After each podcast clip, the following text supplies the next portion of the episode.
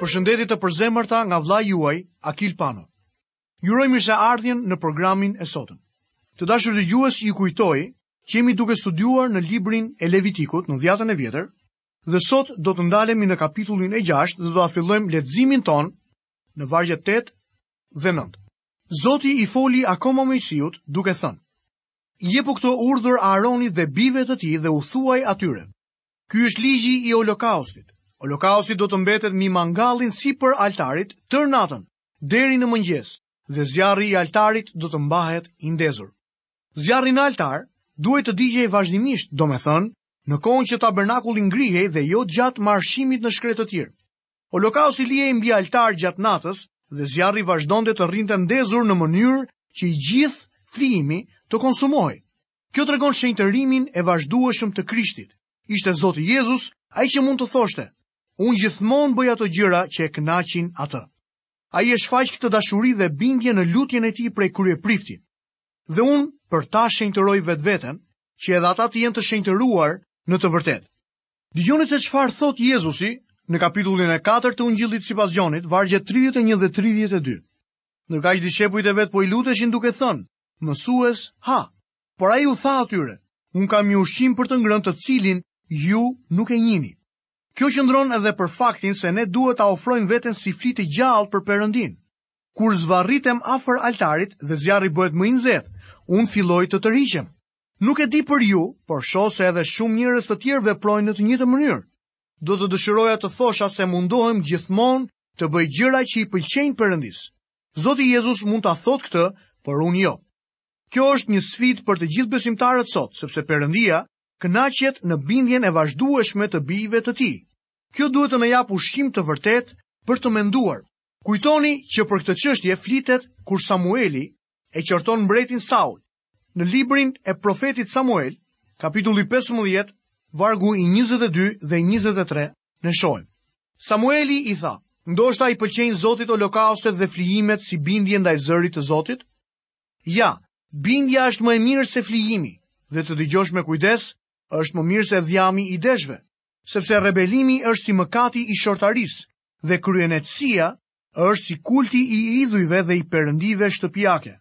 duke qenë se ke hedhur poshtë fjalën e Zotit dhe ai të ka hedhur poshtë si mbret. Sot ti dhe unë duhet t'i ofrojmë zemrat dhe jetën tonë atij. Nëse i përkasim vërtet, domethënë, nëse jemi të shpëtuar. Mos e dhëntë Zoti që të japim deklarata boshe. Çfarë kërkon Perëndia prej nesh? Kjo është vepra e Perëndisë, të besoni në atë që ai ka dërguar. Lexojmë në vargun e 10 dhe të 11 të kapitullit të 6 të librit të Levitikut. Prifti do të veshë tunikën e tij prej liri dhe do të veshë mbi trup pantallonat dhe do të mbledhë hirin e holokaustit që zjarri ka konsumuar mbi altar dhe do ta vendosë pranë altarit. Pastaj do të heqë rrobat e tij dhe do të veshë të tjera, dhe do ta çojë hirin jashtë kampit në një vend të pastër. Perëndia dha udhëzime të hollësishme madje deri atje sa përmendet dhe tunika që duhej të vishte prifti. Ai jo vetëm që do të vishte tunikën e gjatë, që duhet ta vishnin të gjithë priftërinjtë, por edhe pantallonat prej liri. Përse? Mishi duhet të mbulohet plotësisht. Perëndia po mëson se ai nuk mund të pranojë veprat e mishit. Lexojmë tek libri i Galatasve, kapitulli 5, vargjet 19 deri 21.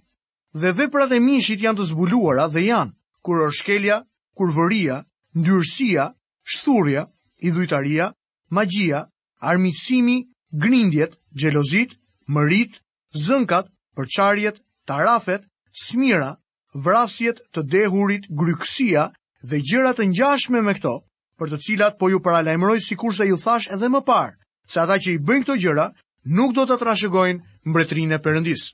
I dashur mik, Perëndia nuk mund të pranojë veprat e mishit. Ai pranon vetëm frytin e frymës së tij. Ky duhet të prodhohet nga fryma e Perëndisë në jetën tonë.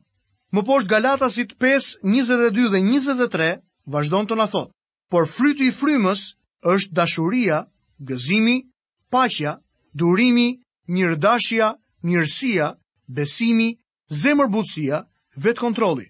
Kundër këtyre gjërave nuk ka ligj. Prifti e hiqte tunikën që kishte veshur kur hiqte dhe hirin dhe më vonë vishte një kostum të ri. Kjo gjë kujtonte vazhdimisht ndotjen e plotë të mëkatit. Hiri në altar fliste kryesisht për gjykimin e mëkatit, madje dhe hiri ishte i infektuar. Ai duhej të hiqej dhe të vendosej në një vend të pastër. Shikoni se si të ndot mëkati. Lexojmë vargjet 12 dhe 13. Zjarri mbi altar do të mbahet i ndezur dhe nuk do të lihet të shuhet. Prifti do të djegë dru mbi të çdo mëngjes. Do të vendosë sipër holokaustin dhe do të tymosë sipër dhjamin e flijimeve të falënderimit. Zjarri duhet të digjet vazhdimisht mbi altarin dhe nuk duhet të shuhet. Kjo na kujton përsëri se zjarri duhet të digjet vazhdimisht dhe përsëritet në vargun e 13. Në mëngjes duhej të silleshin përsëri dru dhe të ofrohej një holokaust për të gjithë kampin. Ky ishte flijimi i mëngjesit. Atëherë flijimi i falënderimit vendosej mbi holokaustin. Zjarri i vazhdueshëm në altar duhet të na kujtojë se zjarri i Perëndisë qëndron i ndezur vazhdimisht. Për ata që nuk e pranojnë Zotin Jezu Krisht, ai do të thotë se është zjarri i zemërimit të Perëndisë. Kush beson në Birin, ka jetë të përjetshme, kurse kush nuk i bindet Birit, nuk do të shohë jetë, por zemërimi i Perëndisë qëndron mbi të. Lexojmë vargjet 14 dhe 15 për të parë blatimin e ushqimit. Ky është ligji i blatimit të ushqimit. Bijtë e Aronit do ta paraqesin përpara Zotit përballë altarit. Njëri prej tyre do të marrë nga ai një grusht maje mielli me vajin e tij dhe me gjithë temjanin që ndodhet mbi blatimin e ushqimit dhe do ta tymosë mbi altar me erë të këndshme si një kujtim për Zotin. Udhëzimet jepen përsëri për priftërinë. Ofruesi është një adhurues që qëndron para altarit duke u ngazëllyer para Perëndisë. Prifti vepron për të. Lexojmë më poshtë vargjet 16 dhe 17. Aroni dhe bijtë e tij do të hanë atë që ka për të mbetur. Do të hahet pa maja në vend të shenjtë. Ata do ta hanë në oborrin e çadrës së mbledhjes. Të mos piqet me maja është pjesa që u dhashë atyre nga flijimet e mia të bëra me zjarr. Është gjë shumë e shenjtë, ashtu si flijimi për mëkatin dhe si flijimi për shkeljen. Vendi i shenjtë ku hahej ishte oborri i jashtëm i tabernakulit. Ishte i shenjtë sepse Perëndia ishte atje. Prania e Perëndisë e bën çdo vend të shenjtë. Mos harroni që Moisiut iu tha të hiqte sandalet, sepse vendi ku po qëndronte ishte vend i shenjtë. Dhe Pjetri thotë se kur Jezusi u shndërrua në malin e transfigurimit, ata ishin me të në malin e shenjtë.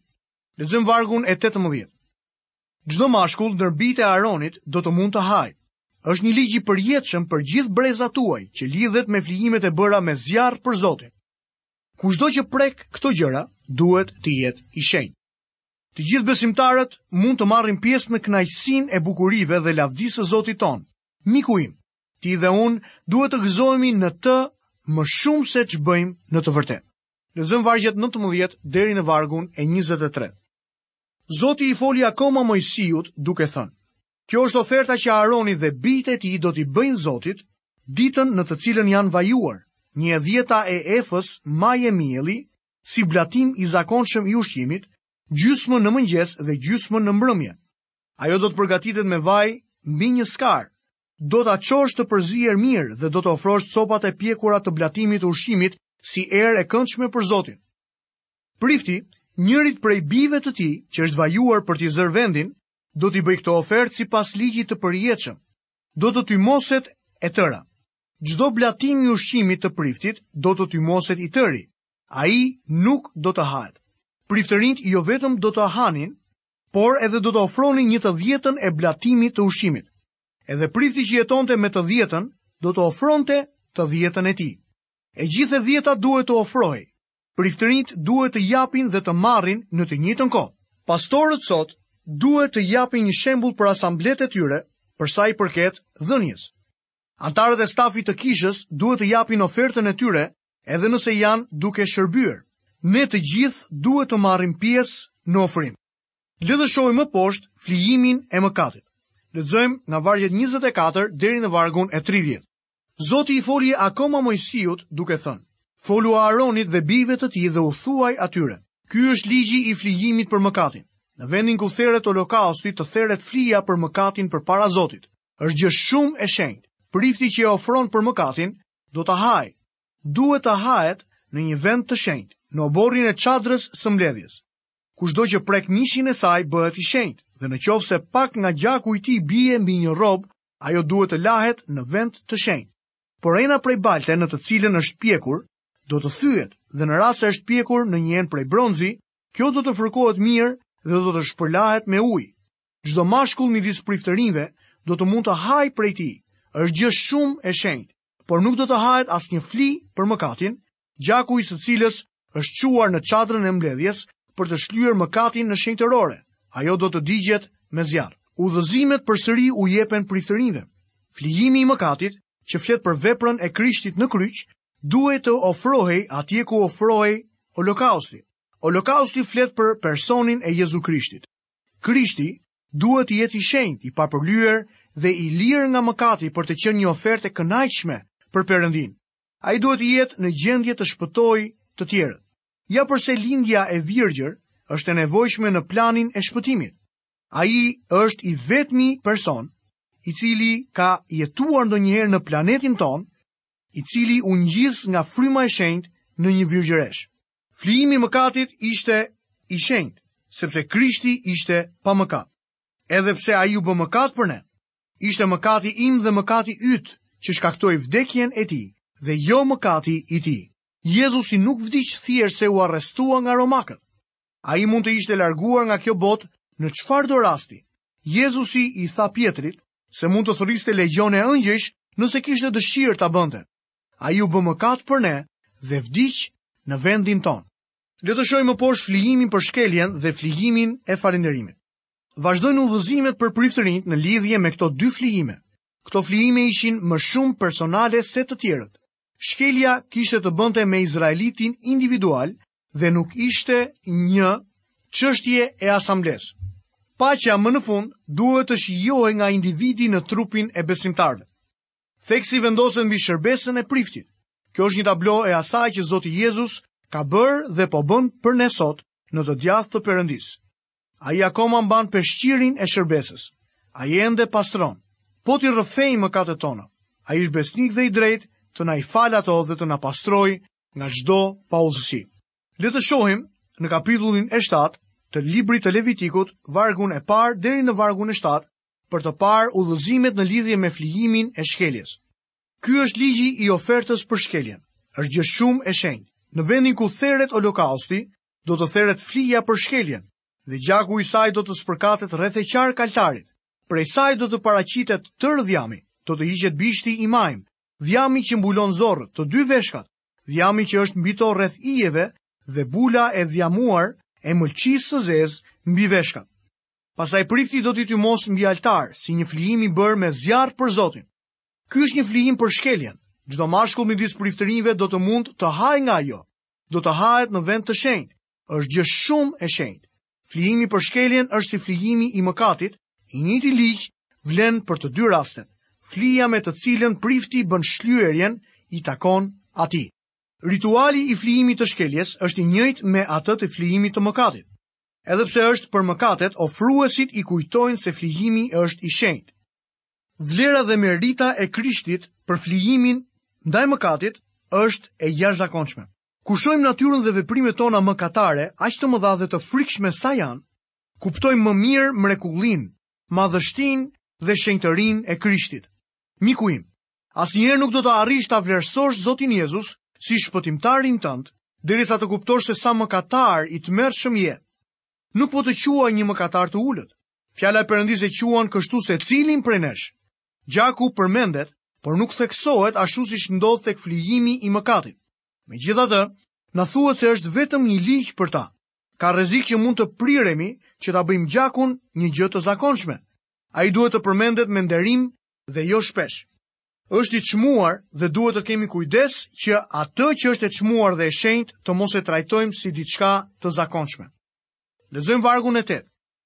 Dhe prifti që ofron holokaustin e dikujt do të marrë për vete lëkurën e holokaustit që ka ofruar.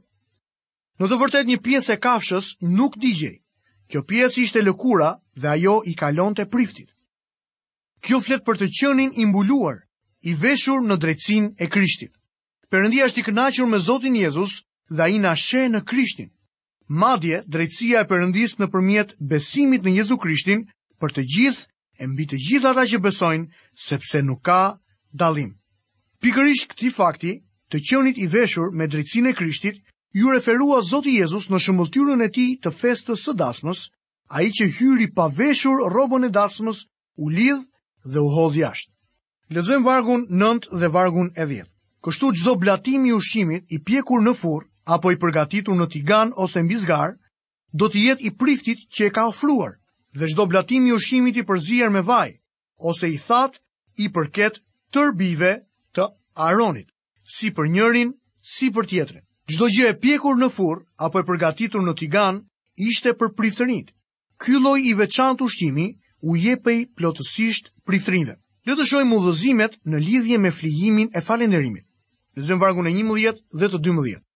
Ky është ligji i flijimit të falënderimit që do t'i çohet Zotit, në qoftë se dikush e ofron për dhënie hiri. do të ofrojë me flijimin e dhënies së hirit kuleç pa maja të përzier me vaj, revani pa maja të përzier me vaj dhe kuleç me majë mielli të përzier me vaj. Këtu theksi vendoset mbi faktin se duhet të jetë një flijim që jepet me vullnet të lirë. Arsyeja është për falënderim. Kjo ka një kuptim të veçantë për besimtarët. Me anë të tij pra, le t'i ofrojmë Perëndisë një flijim lavdie, domethënë frytin e buzëve që rrëfejnë emrin e tij. Fryti i buzëve tona duhet t'i japë falënderime emrit të Zotit tonë. Miku im, nuk mund të vijmë në kishë për të adhuruar nëse nuk jemi përgatitur t'i ofrojmë Perëndisë flijimin e lavdërimit.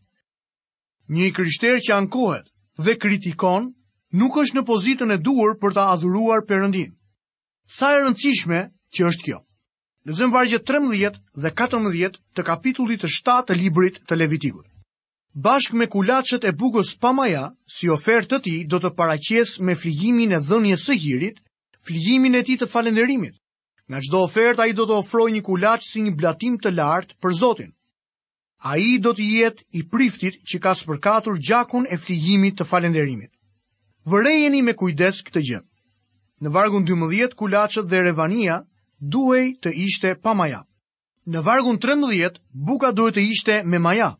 Kjo duket e çuditshme. Përse duhej të bëhej me maja, kur majaja ishte simbol i së keqes?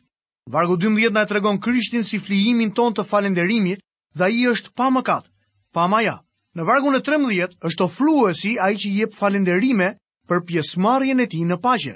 Mëkatet e tij janë falur dhe ai ka paqe me Perëndinë, por përsëri tek ai gjendet e keqja.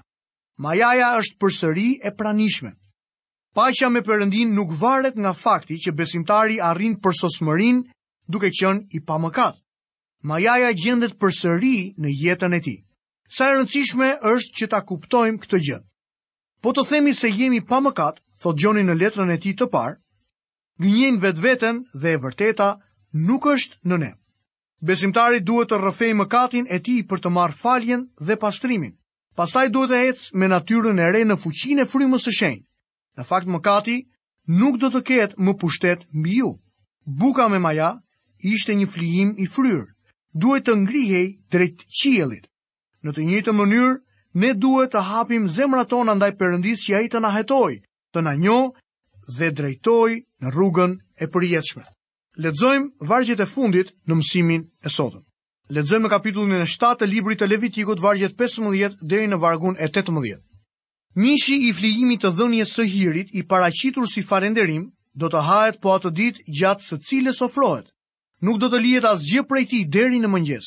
Por në qoftë se flijimi që dikush ofron është një kushtim ose një ofertë spontane, do të hahet ditën në të cilën paraqitet flijimi.